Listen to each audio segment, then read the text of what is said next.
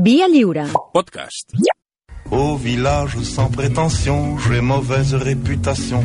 Que je me démène ou que je reste Has dit la part seriosa de, dels Premis Nobel, no, clar, perquè clar, No, l'editor Malcom molt- seriós. Bon, dic, No, és veritat. Eh? Però, bueno, les coses, clar, l'editor Malcom Otero, que escolta'm, que clar, que ha publicat set Premis Nobel, alguns abans que es fessin públics i tal. M'he deixat de preguntar si es filtren, això dels Nobel. Sí, o sigui, vull dir, no és habitual, però... Com la sentència. Exacte. com la sentència. Però per l'any l'any de Kertés, jo me recordo que una editora francesa em va dir el dia abans que qui era el guanyador, jo vaig dir, no ho saps, això no es filtra, i efectivament l'any següent hi va ser. Sembla ser que el tio aquest que han acusat de- d'abús sexual, etc, ell mateix, El que va retardar, diguem-ne, l'entrega del premi, perquè es va Exacte. cancel·lar. aquest és el que, el que filtrava. Vull dir, era un francès i com tots els francesos poden ser execrables. Va, anem amb, algú, amb algun execrable. Eh, Sí, a veure. és que estava per què mirant- francesos? Què és francès, el d'avui? Sí, és francès. Ah, és francès. I com avui és el dia de la hispanitat, doncs fem un francès. Però és que estava mirant la, estava mirant la tele i això del, del desfile, Sí. que sembla està entre un desfile militar i la parada dels pics de Famòbil. sí, doncs, només falta sí, sí. Bueno, és igual. Va, avança, avança, Bueno, avança, abans eh, no et fotis en un Jordi. A, a, avui, que és el dia de la hispanitat, de Sí. la raza i tal, hem triat un personatge que ja ens el van eh, recomanar el, el, els oients fa, Sí. sí. fa setmanes. Els pèrfids oients. Sí, sobretot que és un tipus que no podia veure Espanya ni en pintura. I, ah. i això que era... Bueno, era, i no era català, eh? Vull dir, es tracta d'un representant d'una espècie molt peculiar, que és els presidents de la República Francesa.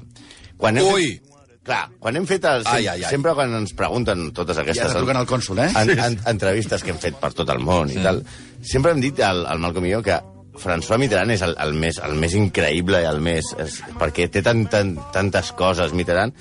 I ara parlarem de, de, de Chirac, que va morir Ai. fa dues setmanes, Ahí som. que, eh, eh, que és com una mena de Mitterrand de Hacendado. O sigui, no és Mitterrand, però, mm, bueno, se li, se li apropa. Perquè el, el Mitterrand, a part de tota la perfídia que tenia, conspirador, tal, hi ha una cosa que tenen els presidents de la República Francesa és que mouen més el llom que un gos en garrapates. Sí, sí, es passen el dia cardant. Algú no ha entès la metàfora? Si vols l'explico, eh? Clar, sí, estan a un... un, un són, sí, I a més a més tu els veus i dius, és que tampoc són massa guapos. Sí, tu veus a Hollande i, i que els presidents de la República Francesa passen a ser senyors més o menys lletxets que passarien allò de... Sembla una mica de- Montilla, de, no? de, vendre, de vendre assegurances o estar allà eh, a, a oficinistes a ser uns empotradors de Va. nivell 7 a l'escala. Julio Iglesias. Va. Clar, però és clar, Sarkozy, Hollande i el nostre d'avui... Eh, Però Sarkozy tenia més... més mm, però Hollande? ja, Hollande sí que... Ja, diu, clar. I a més a més el nostre home eh, es va passar eh, tota la vida fent tots els papers de l'AUCA a la República Francesa. Portava 34 anys viatjant en cotxe oficial Això i sí vivint està a costa de l'Estat. Com Mitterrand també va començar sent comunista i va acabar sent el representant de la nova dreta europea, però en versió francesa. És a dir, amb uns aires de superioritat insufribles. Per aquesta mena de gent, qualsevol lloc que estigui a més de 10 minuts en metro del Boulevard Haussmann és les urdes. Parlem d'un senyor que era un populista, un farsant, un inconscient, un incongruent, un inútil, un corrupte, un manipulador, tio que no tenia escrúpols, xovinista, tita fluixa Prou. i amb aires de grandesa. Amb tots vostès, Jacques René Chirac, conegut també per les seves amants com Monsieur 3 Minuts i pels seus rivals com a Chichi. Chichi. I també per tothom com Jacques Chirac. Ya viene Què dius ara? Primer d'on l'heu tret, aquesta? Andrés Pajares. Oh, oh, oh. Li deien xixi? Sí. Bueno, xixi devia ser o alguna cosa Però per així. nosaltres xixi, que sí, no? Ja, ja, ja. Bueno. Perquè Chirac... No, bueno, com que la història eh, política és molt avorrida, començarem per això, per, parlant de la seva cara de ligón de discoteca, de Pepe Lamour. Ser president de França és una cosa així com ser la porta tota l'estona, però amb molt més poder. Amb míssils, submarins, el Museu del Louvre i la Torre Eiffel. Hi ha multitud de tractats que han mirat de buscar el motiu que expliqui el per què hi ha un tigre a la bragueta de cada president francès. Dominique Bolton, investigador emèrit del Centre Nacional d'Investigacions Científiques, Científiques, eh? científiques, això, vull dir, això és com la, la, la massa de telepizza, això, això és un misteri. Va. Va escriure el 2012 el llibre Indisciplinat, la comunicació, els homes i la política, on diu que, obro cometes, a França són, som més llibertins, més laics i menys hipòcrites, que el president enganya la seva parella i té una amant perfecta, tothom ho fa. Això implica que enganya el poble? Quina borrada. És a dir, si nosaltres, el Sant i jo, enganyem a la nostra parella? Estaríem enganyant l'audiència? Ah, per, per un francès que el president enganyi la seva dona no té res a veure. En canvi, a, a, en altres cultures seria, seria brutal. Un Que no, altre, Paula, que no, eh?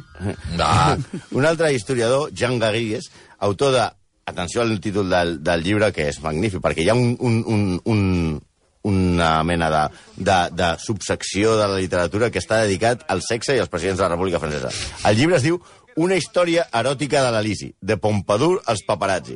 Qualifica l'actitud de Chirac cap a les dones com bulímia de conquesta. Hosti. Que fins i tot els francesos, que, que, que són molt fins quan s'hi posen... bulímia de conquestes. Sí. Però s'ha de dir que, segons la llegenda, com deien, les seves amants el coneixien com Monsieur Tres Minutes, amb dutxa inclosa, eh? Sense que arriba a tramitació i surt 3 minuts. Bueno, les seves aventures extramatrimonials Mare meva. eren absolutament públiques, s'ha de dir. Però hi ha dues que són mítiques. Una és quan el 31 d'agost de l'any 97 Lady Di es mata en un accident de cotxe a París. Sí. Incident diplomàtic total. Ningú el localitza perquè estava al picadero amb una de les seves amants. però llavors era el president de la Sí, República. sí, sí. Segons molts mitjans, era Clàudia Cardinale, que el dius? alerta tenia en aquell moment 60 anys. S'ha de dir que ara té 81 i jo encara... Eh, mira, noi, va, un prou, prou, va. La relació va, entre marca. Clàudia Cardinali i Chichi era bastant pública. Tant que l'esposa de Chirac, Bernadette, que és una senyora d'armes tomar, de la que parlarem ara mateix, que és un superbitxo que deixa a Angela Channing al nivell de la sirenita, acostumava a treure's els periodistes de sobre quan la seguien dient per què em seguiu tanta premsa? Per què? Per què? Si ni que fos jo Car Clàudia Cardinale. Sí, ara tenia bastant... La dona Chirac és coneguda a França com la última reina de França, o la reina mare, o simplement la reina. De família molt rica i d'arrels aristocràtiques, es va casar amb Chichi... Estareu xi- dient xixi tota l'estona, no? Chichi. Chichi, Chichi, Chichi, Chichi, Chichi. Xitxanyó. Chichenyó. bueno, com deia, es va casar molt jove amb Chichi i tenia l'oposició de la seva família, però ella va portar les banyes molt dignes des del primer... Ella la, va ser molt digna portar les banyes des del primer dia. Per fer-se una idea, una setmana abans de la boda, Chirac va fer un viatge als Estats Units Sí. sí. on es va prometre en eh, Florence Herlinghey. Tranquils. Que se les... Com que es va, es va prometre Sí. una setmana abans de casar-se sí, amb un abans de casar-se, va un conèixer en altre. dia als Estats Units i va dir, nos casamos. Que Chichi, Chichi era el Chichi loco. Sí, sí. Tranquils que se les va cobrar. Qui riu l'última es descollona. S'ha de dir que ella ho accepta. En un documental des del 2016 titulat Memòria d'una dona lliure, Bernadette assumeix tranquil·lament que, obro comentes, al començament va ser molt dur, però després em vaig acostumar. Era la norma i havia de portar la càrrega amb la major dignitat possible. Totes les dones el volien fer seu. Ah, la cosa era de les dones. Sí, dic jo, totes, Sí, to, clar, totes, clar. totes, jo conec alguna que potser no. També Chirac va estar molts anys eh, embolicat i tenir com a amant a una periodista que seguia el, el, el govern de, de França, que es deia Jacqueline Chauvidon, amb la que va estar a punt de viure i va, estava a punt de divorciar-se Bernadette, i eh, era, era conegut que quan anaven a sopar, Chirac eh, li obria les botigues més exclusives de París a les 11 de la nit, trucava a l'amo i, li regalava, i li regalava coses. Clar, fins que un dia, quan ell va decidir, que això era quan era alcalde de París, quan es va decidir a presentar president de la República, el seu cap de campanya li va dir un no es divorcia quan espera accedir a la més gran de les funcions, i per tant la va deixar.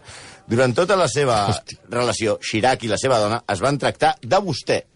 Ah, sí? Tot els, sí. Des del principi? Des del principi. I es van odiar per tota la vida a la vista de tothom.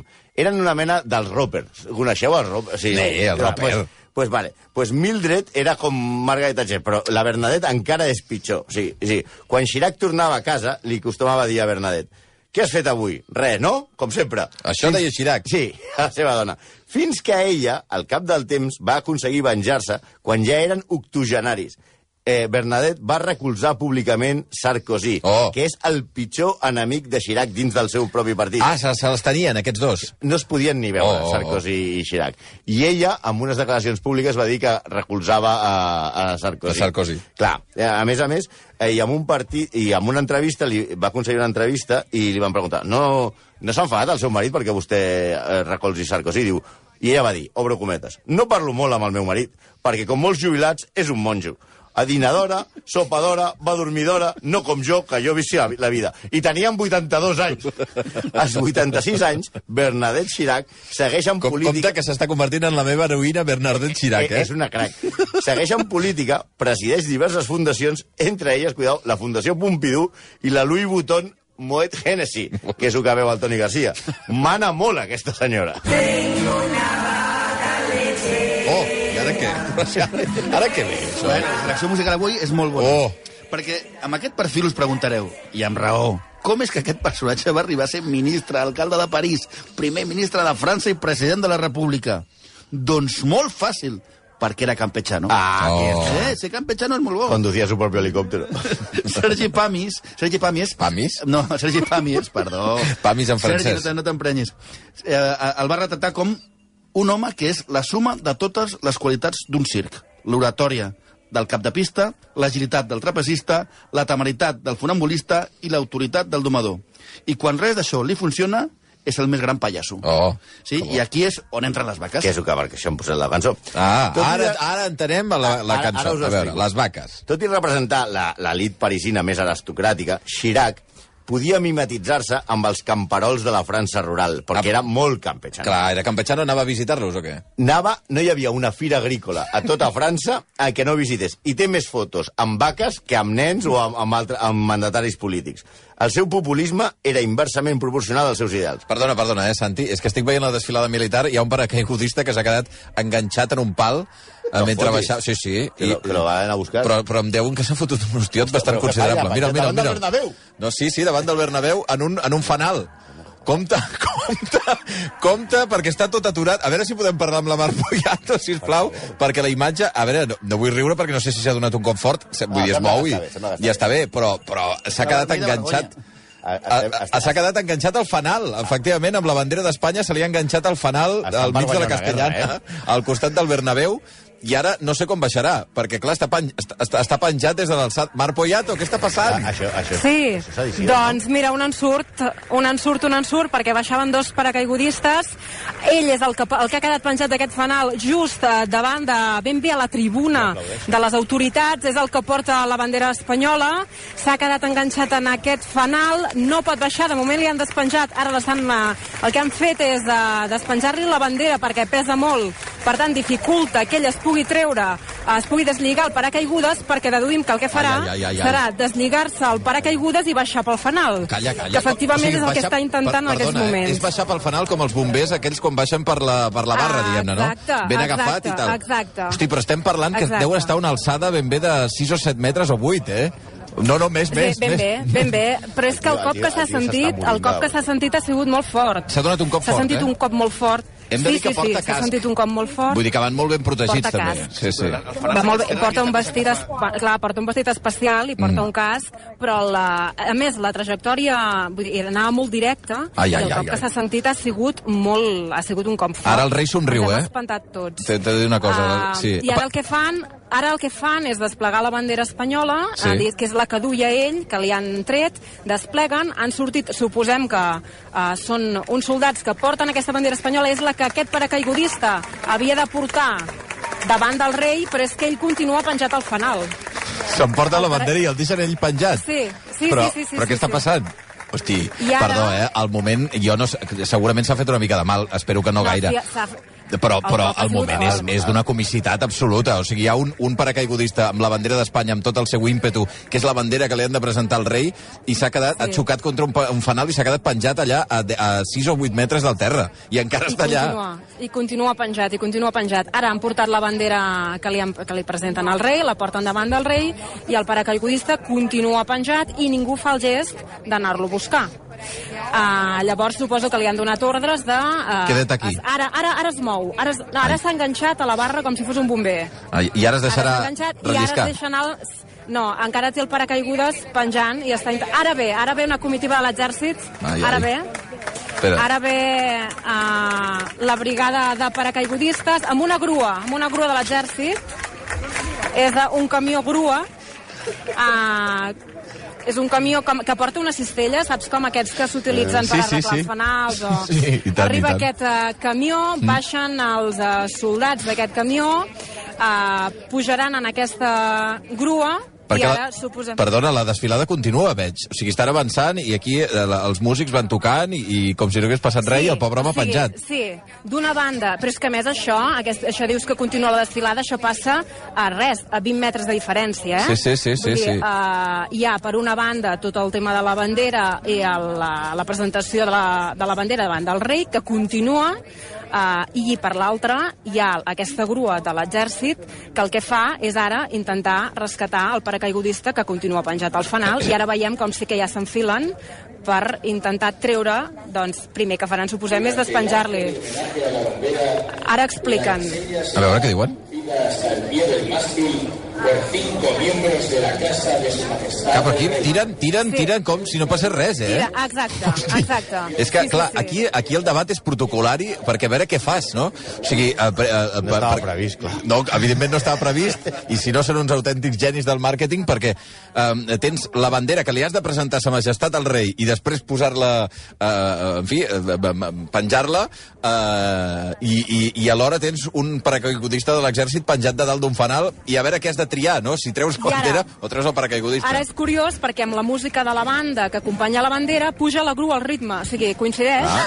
que la grua Meravellós, que això. està ja buscant és el que paracaigudista saben, eh? que ja ha pujat, ja ha Berlanga, ¿dónde estás? pujat, uh, és una mica un moment així, sí, com dieu vosaltres. Ja, sí. ja, ja, ja. Ara sé, ja està.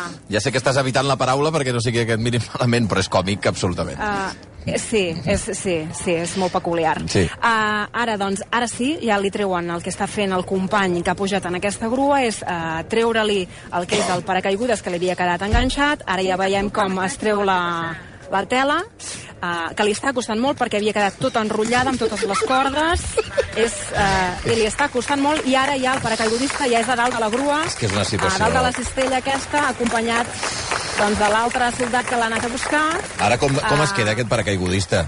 Que enmig de la gran desfilada militar ha picat de cara contra un fanal amb tota la bandera d'Espanya i s'ha quedat penjat, pobre home. Que eh, eh, ara l'altre era el debat de la realització televisiva, perquè, Ja, a veure, el més important no, és, no era tant la bandera com el senyor Lo que, que, estava penjat. lo que l'ojo no ve, Ostres, esperarem les imatges. i ara veiem el, Sí, la, el el pla molt obert amb, els, amb, amb la comitiva de la bandera anar avançant i veies al fons, efectivament, la grua Ah, amb el senyor Xavi. sent despenjat. Sí, sí, digues. podem fer una cosa, que és que jo el tinc gravat en vídeo al moment que s'ha quedat encastat perquè ho estava gravant. Home. Llavors jo, jo penjaré al Twitter el vídeo del moment Doncs- en què Mira, el mira, paracaigudista ha quedat Ara enganxat baixa. al fanal. Ara ha Ara baixat. ja està, ha Ja baixat. està baix. ha baixat. L'acompanya, l'han anat a tot. buscar-los... Sí, l'han anat a buscar serveis d'emergència. Uh, per tant, ara passarà a revisió mèdica per si té algun cop fort i aplaudiments de la gent que l'animen doncs, aquest paracaigudista que no deu estar gaire bé d'ànims tenint en compte doncs, el que li ha passat. El dia més important per les Forces Armades i et piques contra un fanal i et quedes penjat com, com un fuet. Baumgartner, Baumgartner no era, eh? Però a més amb l'ensurt... Eh, Sí, sí, però digues. el, el fanal aquest està just davant de totes les autoritats. Tot, Vull dir que l'ensurt de tots els presidents Ai, ai. autonòmics i dels caps de, dels principals partits, vull dir, és que els hi ha caigut a sobre. Just a sobre d'ells. La, el ridícul ha estat tremendo, eh? En fi. Um, I ara sí que ja comença la desfilada Ai, i les salves. Ah, les salves, d'acord. Doncs mira. I així comença la desfilada? O sigui, comença ara? Comença. Comença ara. Tot just ara el que han fet són actes protocolaris de eh, la benvinguda als Reis, les salutacions oficials de la Guàrdia Reial, eh, la, la baixada de la bandera amb aquest incident que hem viscut, i ara sí, les salves i arrencarà aquesta desfilada. Uh, no, no sé, que no sé com definir el que acaba de passar per tota aquella gent que s'estigui connectant a aquesta hora i no sàpiga què estem explicant. Uh, la Mar Poyato ens ha explicat que uh, un paracaigudista, el que porta la bandera d'Espanya i que, en fi, es llença des d'un avió, des d'un helicòpter i que, en fi, ha d'arribar al davant del rei, presentar la bandera i que la bandera sigui issada, s'ha quedat penjat dalt fanal després de picar molt fort per, va- en fi, no han calculat bé la trajectòria, ha picat contra un fanal i la bandera l'ha- mantingut enganxat allà durant ben bé 5 minuts eh, i la, la gent ha intentat, o sigui, diguem el protocol ha fet que continués les coses, eh, show must go on, una mica. Però, en fi, eh, està bé. Eh, de, de totes formes, Mar, quan pengis el tuit ens avises, farem retuit Sí. i mirarem a veure exactament Sí. com ha estat l'accident, perquè, clar, eh, Sí, ara- Déu-n'hi-do. ara m'hi poso, ara m'hi poso. Gràcies, Mar, fins ara, eh? Fins ara. I mira, la música que estava sonant, que era aquesta, ja va bé.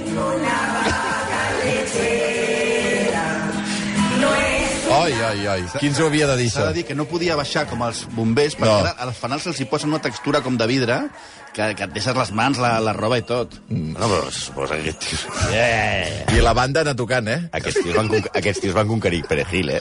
Va, tira, tira, seguim. Per on estàvem? Però ja sabem que ja eh, els francesos van inventar la línia Maginot per rebutjar els nazis amb poc èxit. Ara ja sabem que per rebutjar qualsevol invasió espanyola has de posar molts fanals. perquè, perquè no, perquè les coses no caben. La, la, la grua encara està allà, eh? Però bueno, en fi. Ah. Puja un altre. No sé per on anàvem, eh? Jo tampoc. que, que feia fotos amb vaques. Ah, sí, ah, clar. Bueno, clar, Ah, sí, això, que anava, que anava, que anava, que anava a totes les vies agrícoles, i, Sí. i, però que ell era absolutament inconsistent intel·lectualment, perquè, per exemple, és un home que ha passat a, a una part molt important del seu discurs, és, és que ell diu, i els seus seguidors, que va ser un... Estem parlant de Chirac, no del, no del paracaigudista. Sí, eh? sí, de Chirac. Que Va, va ser un dels grans defensors de, de les mesures contra el canvi climàtic, però la seva primera mesura, quan va ser president de França, va ser reprendre les proves nuclears a la Toló de Mororoa on no hi ha fanals. I les seves actuacions davant, de farsant total davant de les càmeres no tenia el límit, però clar, després de veure això, el límit no sé on, no sé on queda.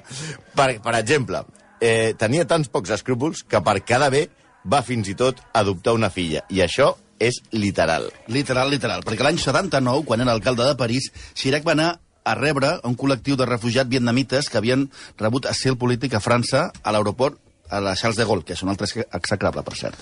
Amb les càmeres captant el moment, Chirac es va fixar en una jove de 21 anys, Ai, Landau, Lan- Landau és el nom, és el nom, eh? És el nom. Landau. Landau. Landau. Sí, que sí. estava No sabem- no sabia si plorar perquè l'havien dau o no l'havien dau. Va. I es va apropar a ella, Landau, les gràcies. va... la va abraçar i li va dir no ploris més, ma chérie. I se la van dur a casa amb ell. Un gran gest. Un gran gest, un gran gest, si no arriba a ser perquè anys després, Landau va escriure un llibre titulat El Chirac, una família gens normal, en el que, ja el títol és críptic, eh? en el que destapa que, obro cometes, només em consideraven un membre de la família quan em necessitaven per convèncer l'opinió pública. Em demanaven que anés amb ells a la celebració de l'any nou xinès, va menjar pato laqueao i coses d'aquestes, per convertir, per conquerir el vot oriental, i quan va ser elegit president de la República, Bernadette, torna aquí Angela Channing, va venir, em va portar un racó i em va dir què més vols del president, petitona? I jo ja vaig entendre que no el veuria mai més. I així va ser. De fet, Landau, Landau mucho por saco, es va assabentar per la premsa de la mort de Chirac i no va ser convidada al funeral. Però, tot i així, el poble que el va detestar li reia les gràcies. Les seves imatges amb Zidane, que per cert, que va explotar com ningú la selecció francesa... L'entrenador de, de l'estadi aquest eh, on s'ha quedat penjat per aquell Sí, just davant. Davant del Bernabéu, eh? Davant Sí. del Bueno, en Bernabéu. fi. Doncs ell explotava molt aquesta imatge de Zidane i la, i la selecció multicultural per oposar-se a, a Le Pen. O també la seva imatge amb pantalons curts, sabates i mitjons espiant el llot de Michael Schumacher, que estava atracat davant de la seva residència d'estiu. Això feia més gràcia que pena. És com un, era com un Jesús Gil, però en francès. Perquè, I tot era perquè al final als francesos els hi queia bé perquè eh, Chirac va acabar sent el gran defensor de França eh, tenint una idea com si fos encara l'imperi napoleònic. I tenia dues grans manies que li feien irresistible pels seus votants. No podia ni veure els anglesos ni els espanyols. I no ho dissimulava. I, a més, era un boca xancla.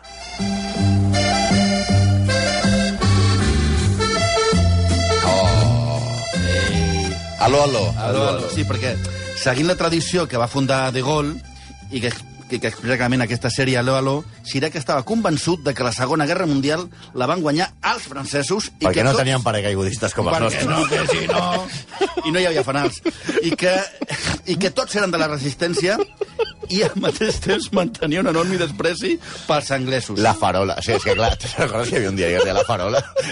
Sí, és que estic... estic... Ara la farola és resistència antiespanyola. La, fa, la farola és Mongòlia. És, és famós l'episodi en què es va aixecar i va marxar del Parlament Europeu quan el president de la patronal europea, el francès Ernest Antoine Schiller, va dirigir-se a l'auditori en anglès, la llengua de los negocios. I clar, Chirac va marxar, però res comparat eh, quan abans d'una reunió del G8 a Escòcia, dies abans de l'elecció de la seu olímpica del 2012, a la que competia en París contra Londres, les càmeres el van enxampar parlant amb Vladimir Putin i Gerhard Schröder, posant de volta i mitja a Tony Blair, amb el que tampoc es podia ni veure. I el van agafar amb una conversa, diguem-ne, de- així, desimbolta, en el que deia obro cometes, l'única aportació d'Anglaterra a l'agricultura europea són les vaques boges. I va, estava bastant obsessionat amb les vaques, eh? I afegint que només es menja pitjor a Finlàndia que a Anglaterra. I mal. Això potser té raó. Sí, si tenia aquestes trifulques amb els anglesos, amb els espanyols ja era absolut despreci. Es va negar que París participés a l'Expo de Sevilla, quan, que, que es va fer per commemorar els, els 500 anys del descobriment d'Amèrica. quan el rei Juan Carlos el va trucar per telèfon per tal de que s'ho repensés, li va dir a un parell de que no, que no hi ha res que celebrar. Els vikings van descobrir Amèrica abans i mai han fet bandera de la gesta i sobretot van tenir l'elegància d'autodestruir-se. Els espanyols eren un, uns bàrbars, va dir Chirac. Chirac explica això a la primera part de les seves memòries, cada pas un objectiu en el que es sorprèn que Juan Carlos em parlés de tu sense conèixer-me, de res. Es veu que ho fa sempre. Si no, li deia, si no li deia a tu ni la seva dona, que es parlaven de vostè, és normal que s'estranyés. Ui. Bueno, ara Ai, ja ai, a la part, a la part, a la part xunga. Ai, ai, el mam i, Ai, ai. i la corrupció. Chirac, que li van fer un funeral premium a, la, a les invàlids i que va rebre elogis de tots els polítics, fins i tot de, dels seus rivals com Hollande o, o altres Això ja, socialistes. ja sol passar, no? Okay. Bueno, socialistes vull dir Manel Valls. Va. Li van riure totes les gràcies. Algunes, just és dir-ho, remarcables, perquè va fer coses bé, com la seva oposició a la guerra a Iraq, o l'acceptació de que els francesos havien col·laborat amb els nazis de, demanant perdó als jueus per l'Holocaust. Això sí, de la guerra d'Argèlia no, va dir, no, no, no va dir ningú. I li quedava més a prop, eh? Sí, sí, i també hi havia paracaigudistes, de fet. Però es van deixar un petit detall. Chirac és, juntament amb el mariscal Petain, el que va petar, aquest, el col·laboracionista, que era col·laboracionista nazi, l'únic president de la història de França condemnat penalment. Com Núñez. Ja, ja als anys 90, Chirac va estar... És no era president de la República No. Francesa. Que estàs amb el fanal. Estic veient el vídeo i... Bueno, en fi, després, després. Ja als anys Tu 90... t'agatxes, eh, per això. Sí, aguanta bastant bé, eh? Tira, tira, tira, tira. Ja quan, ja, ja quan als 90 anys... Ja, ja Tira, 90, tira. Ja no puc. Sigui, Chirac va estar Que vaya involucrat... guarrasso que estic. Chirac va estar involucrat en, un, en nous processos Va. judicials. El 2004... Águila roja, águila verde. que te va, que te, que te, que te, que te... Para, para, para, para, para, para, que me doy. Prou, prou. Bueno, va. Prou. Trata de arrancarlo, Carlos.